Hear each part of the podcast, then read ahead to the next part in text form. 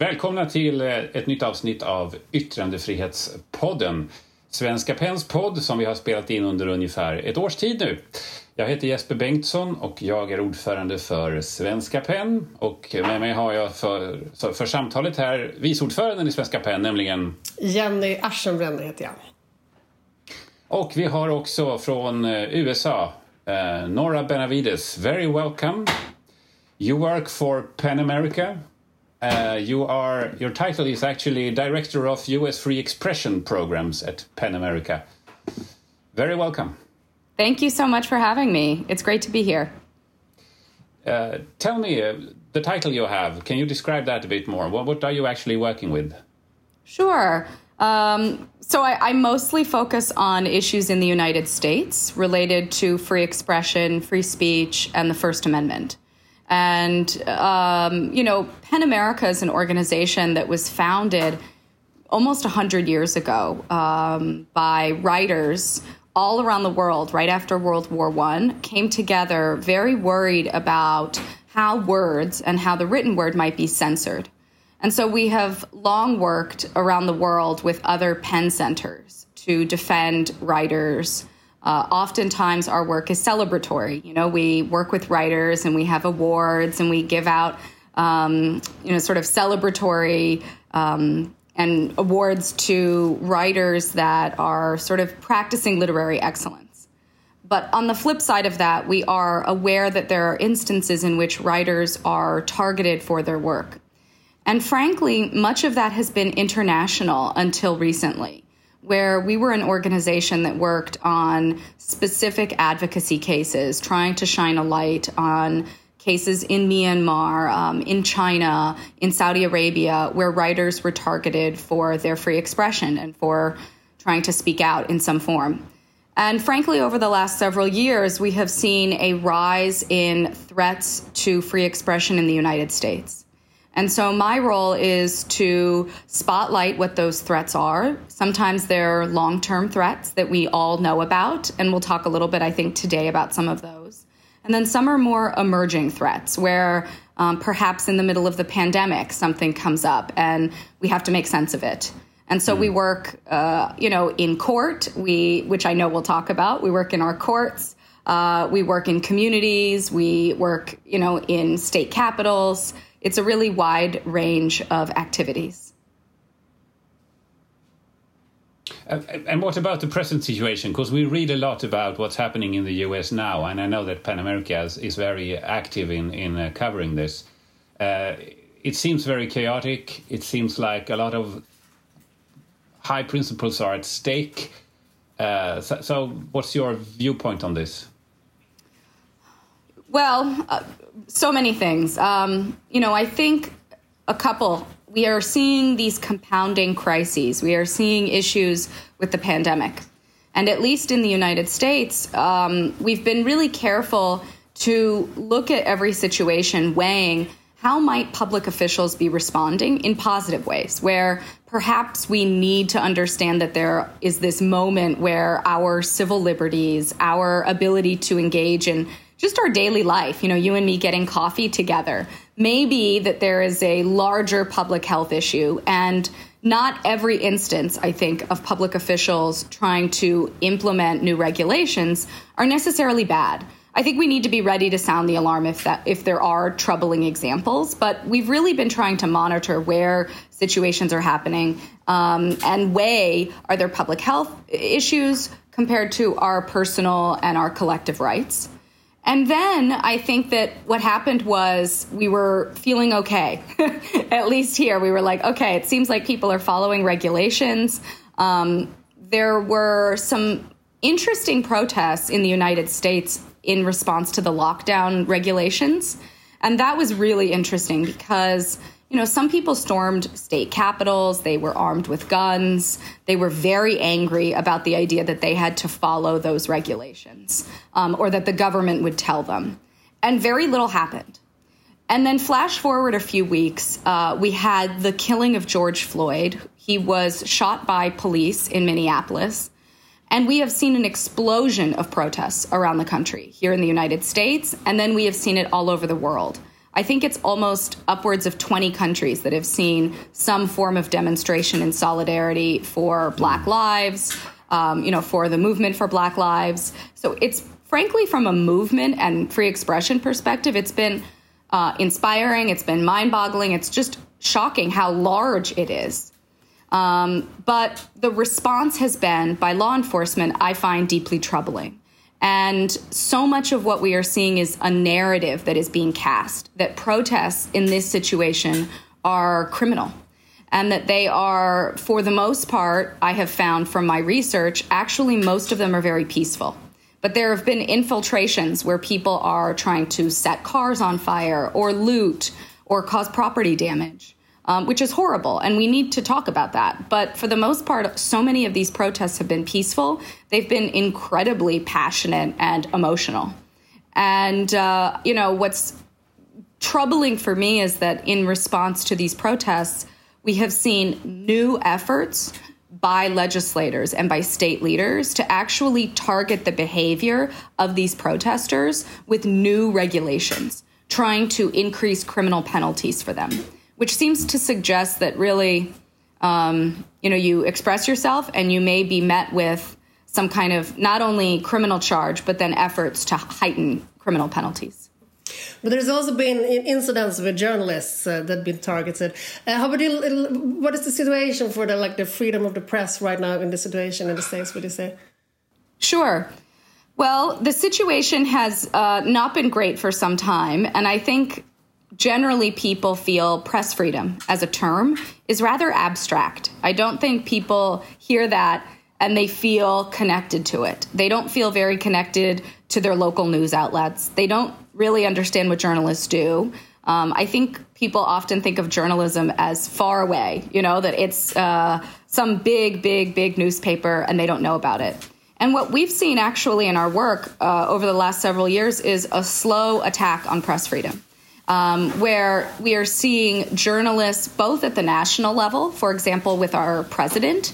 Um, when the president does not like coverage of him or of the administration, he makes every effort to stamp that out and to limit access by reporters.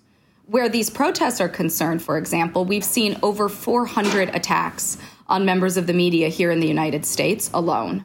So we're looking at hundreds and hundreds of arrests of civilians and hundreds and hundreds of attacks on reporters. The majority of those attacks are by police, not by reporters. I'm sorry, not by protesters. Um, and so, you know, that seems to suggest, I'll just go out and say it. I think it seems like officers do not want whatever the story is of these protests to be told. Because not only have reporters been targeted with tear gas, rubber bullets, they've explicitly been targeted. They'll have their press pass, for example, and they're filming, or, you know, there will be a crew filming. And many times we've seen and heard from these reporters firsthand that then they felt officers explicitly targeted them while they were filming, as if to say, you have to stop. Um, which is one violating press freedom principles, and it's also a violation here in the United States of the First Amendment. But do you think that, like the actions and, the attacks from the the president on the on free media, actually kind of gave way for the, the, officers to behave like this? Do you think that there is, there's a connection between the, the Trump's behavior and the the police behavior? That's a great question. I absolutely think there is a connection. And it isn't one where he explicitly said, go attack reporters. You know, he didn't somehow authorize that. But what we're seeing is this kind of slow disintegration of press freedom commitments from the United States and from our leaders. And what we've been looking at for so many years at PEN America is how does press freedom look in other countries?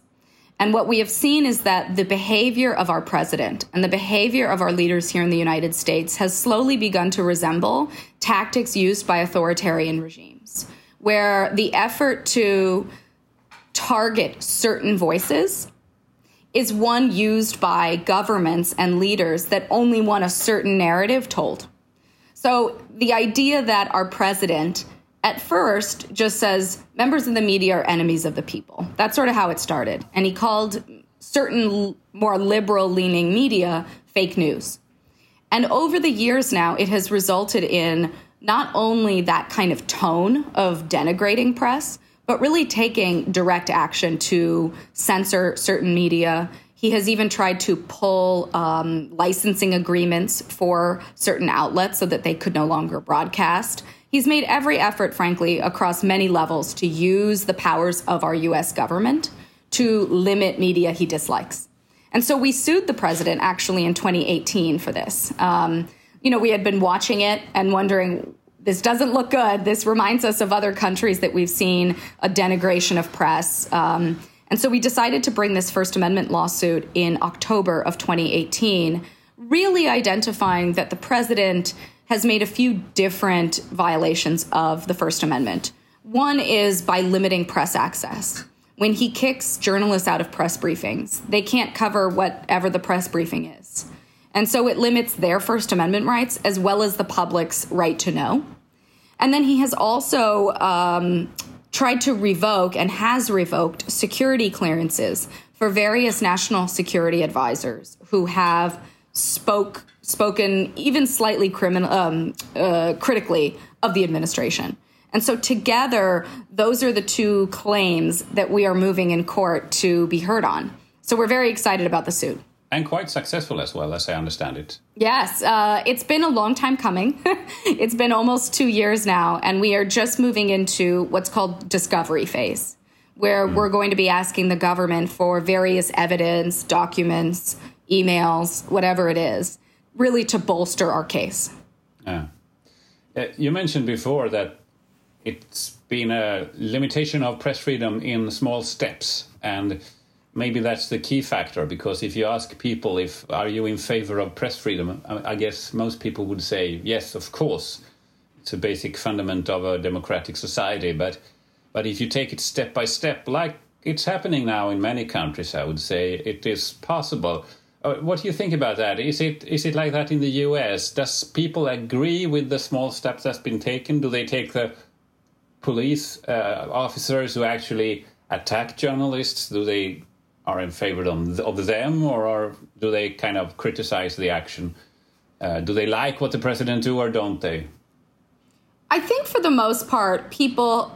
This gets back to something I said earlier. You know that press freedom is sort of abstract. Like no one really thinks about it often. Yeah. And if you ask someone, they say, oftentimes, of course we have a free press. You know, we have. I read the paper every day and the there's sort of this equivalence for people that if they're able to read the news, there is a free press.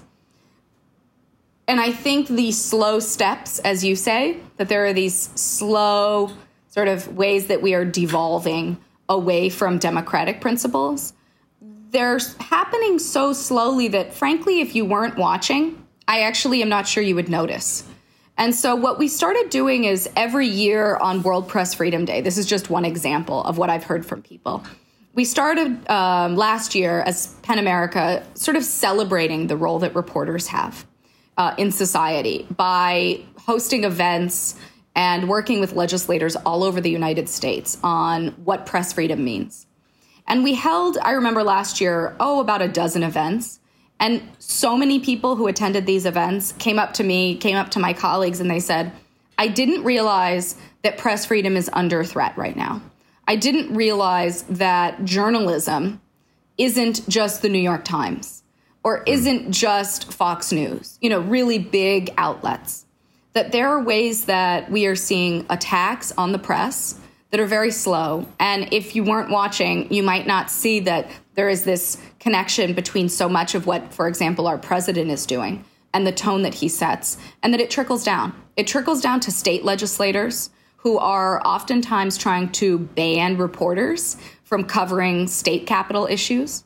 I think it trickles down then to what we're seeing with right now in the middle of these protests, where suddenly there is a moment that people weren't aware of those tinier steps. But now, together, when reporters try to cover something and hundreds of them are attacked, I think there is a very powerful moment that people are starting to say, well, we need the news and we need local news, local news and we need local reporters. Could it, this um, mean a change, do you think, in the opinion and or in what was that? Could, could, this mean a change in the awareness of, of the importance of a free press, do you think? I would love to be optimistic uh, and say, yes, there is a change what I think is uh, I think people can't look away right now in the middle of the pandemic. You know, we're all at home, we're all on our phones and our computers more than ever. And I think that we are seeing so much attention on these George Floyd and solidarity protests, in part because so many people that were not aware of the issue of how black and brown people are targeted by law enforcement are now seeing that. And so, in the same way, I think the moment we have to shine a light on issues of press freedom being attacked, I, hope that that is something we can sustain. I hope that we can um, have our communities care and stay attentive to these issues. But think about, you know, all of the ways that you might have other concerns like feeding your children or getting, you know, making sure you have your job. If if and when the pandemic ends, um, I think that those are the most primary concerns people have, and so part of our job, I think, is is staying attentive to these issues. Yeah, in Sweden we have this very you know uh, complex situation where people under, you know use journalists more than ever during the pandemic, and they read the papers and they watch the TV and they listen to radio, but at the same time the, the, the commercial media is really having a really hard time because of the economic situation. So it goes both ways, both that people are more and more interested in journalism, but they won't pay for it. So it's uh, well, and I, I will say there are two compounding issues here actually that relate to our work because not only do we defend press freedom, but we recently took a very hard look at what was the crisis affecting journalism, mainly here in the United States. Um, you know, the advent of the digital age created a great upset in profiting and the way that outlets um, are getting paid for the content that they produce. Mainly, platforms and other online publishers now are allowed to feature content, but people and people have access to it, but who's paying for that?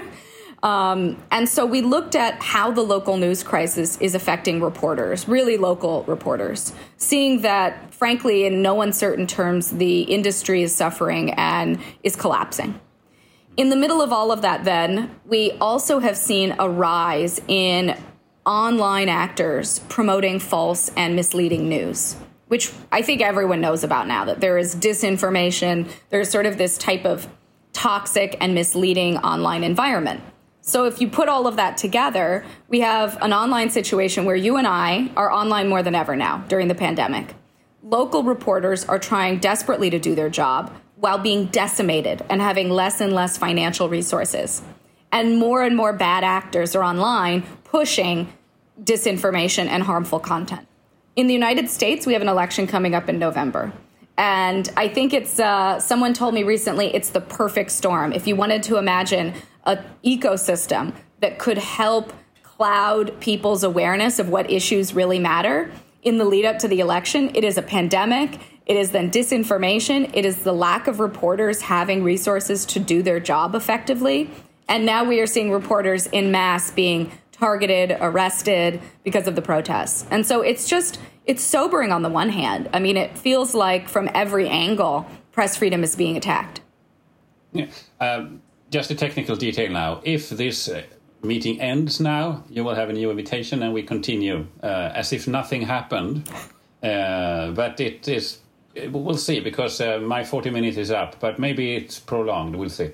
Uh, my question now is uh, could you see this coming? Because, I mean, uh, the US is, is a democratic state, a long tradition of very wide uh, freedom of speech, probably one of the widest in the world, maybe compared to Sweden and a few other countries.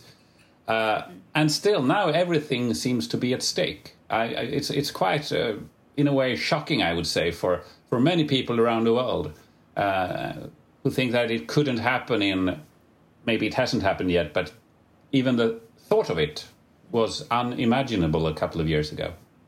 Well, I'd like to. I would hope I didn't see this coming personally, like in a psychic way. But I will say many there were many signs. You know, bef- even before President Trump was elected, the way that he spoke about media uh, on the campaign trail, I found disturbing. And then once he was elected, we did a very short look at the language he used around the media. And that slowly, or not so slowly, it was, we looked at the first 100 days of what he was doing. Um, and in his presidency, we saw the language that he used about the media continued to become increasingly volatile and hostile. At the same time, he also started mandating that certain agencies and officials not speak to reporters, which to me seems like the first step, if you will, that you're beginning to tell officials to not tell a certain story. The flip side of that is that he's essentially saying we have to craft what our government story is and what the public hears. And I think that that's like a really troubling first step. And so over those many months, I wouldn't say we we called it, you know, we were like we're right because I would love nothing more than to be wrong and to work myself out of a job. But I think that we were deeply troubled and we felt like those examples of whether they were First Amendment violations or the larger implications for press freedom, the fact that the leader of ostensibly, right, the free world was denigrating press and limiting the narrative that the public hears was so deeply troubling we had to do something. And so it's part of why we brought our lawsuit and part of why we've devoted so much time over the last three years to really spotlighting what local news and press freedom mean because I think part of it's an education moment. You know, if people aren't aware that it's under threat, they don't know to mobilize. Um, and so um, that is sort of one silver lining here is that more and more people are sort of waking up to this and, and concerned. You know, what can I do? Can they, you know, pay for a membership fee for their local news outlet? Can they talk about these issues with each other? Maybe they can go to their state capitals and try to fight bad legislation. I read somewhere today that uh, the previous, uh, I, I, don't know what his title was, John Bolton, when he worked for Trump, he's publishing a book now, and uh, the president has threatened to stop it before it's published. And that's quite unique in a democracy, I would say. Uh, you are asking all the right questions. I feel like you must have an insight into my emails because uh, these are all of the issues that I've been thinking about, worried about. Um, the rest of our team has also been concerned we've sort of been tracking in unrelated areas when publishing encroaches and censors books before they're published. That often that's the very concern from our literary side. We would spotlight and say, at least, you know, at the very base minimum, readers should be allowed to read whatever this book is. When the president then tries to take action to limit access before something is even published, that is an even heightened area of concern for us. Um, I wouldn't say I'm I anticipated advocating for John Bolton in any way, um, but I do think that whatever the book is, right? Um, if it is critical or or favoring whatever, that should not be restricted before it is even out for the readers to be able to make their own judgment call. There are very few countries in the world who has that kind of censorship today with with uh, texts being blocked before they are published uh, or censored before they are published. I would say it's like two or three countries who has it in their system. Uh, of course, there are examples around the world, but but previously not in the U.S. as far as I know. Yes, and you know one of the other things I'll, I'll just bring up because it feels like our whole conversation, I've been thinking about uh, Maria Ressa from Rappler, and that she was recently yeah. convicted of cyber libel um, for Rappler. Rappler is a media outlet in the Philippines that is um, really, I think, done a tremendous job of giving people news, but at times it's been critical of their leader. And throughout all of that, it's not an area I work on at PEN America because I'm really focused on the United States, but it has permeated even my thinking that in the middle of trying to really be an ambassador for truth and give people credible news, sometimes critical of a government, the what she has met with is not only intense criticism, but government uh, and criminal sanctions. And um, it just sort of underscores that the threat is not just acute in one area or in one country, but that there is this larger, I think, looming threat to press freedom internationally. And she also, in her comments after the conviction, she talked about these uh, small steps that's been taken also in the Philippines. Uh, I think it was very, uh, very uh, smart comments made by her, and uh, and and quite worrying that that she might be silenced now because Rappler has been one of the few uh, independent voices in the Philippines. Um, all right, uh, Jenny, do you want to say anything I just was curious about the lawsuit. What's the next step, or what do you yeah, hope good. for with a lawsuit? What's what's like your goal with it? Well, I, I would love nothing more than for the president to admit that he has violated the First Amendment when he targets reporters for speech he does not like. Uh, I'm not sure I will get that. I don't. I don't know if we will get that. But I think that what we've seen is a pattern, and it is a real pattern where our president has targeted specific journalists and other officials for speech he doesn't like, and and that is hands down, unequivocally a violation of the First Amendment. He has his own speech rights. He can absolutely say what he wants. But when he takes action to censor or retaliate against specific individuals for what their speech is, that is an encroachment then into the First Amendment. So, what, what happened recently is that we survived what is called, and I'm going to get a little technical, but not too technical. We survived a motion to dismiss in which the government said, PEN America never made a valid claim. The case should be thrown out. And the judge said, actually, no, PEN America made several valid claims, so we should proceed. And so now we are in that moment of proceeding where we will be asking the government for various documents. Um, it's called discovery. It sounds more exciting than it is because it's sort of a long and, and high paper process. And, uh, you know, then we'll be going to court. It's going to sort of be a back and forth for a while.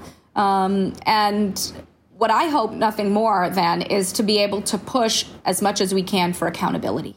Because I know that our members are really part of why we brought this lawsuit.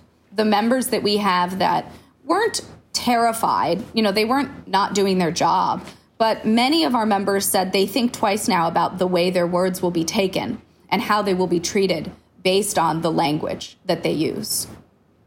So we're excited about moving forward in that arena and trying to really spotlight that where the president is violating the First Amendment, we are one of the organizations that's holding him to account. Okay, good luck. yeah, good luck. And thank you very much for this conversation. Uh, made in Zoom, and we have taped it on uh, each our phone and we will now try to mix it together. This is like you know the way we do things in the pan- time of pan- pandemics. Yeah. Well, um, we're very resilient. I hope the listeners will uh, get it, and um, thanks a lot for the talk. Thank you so much.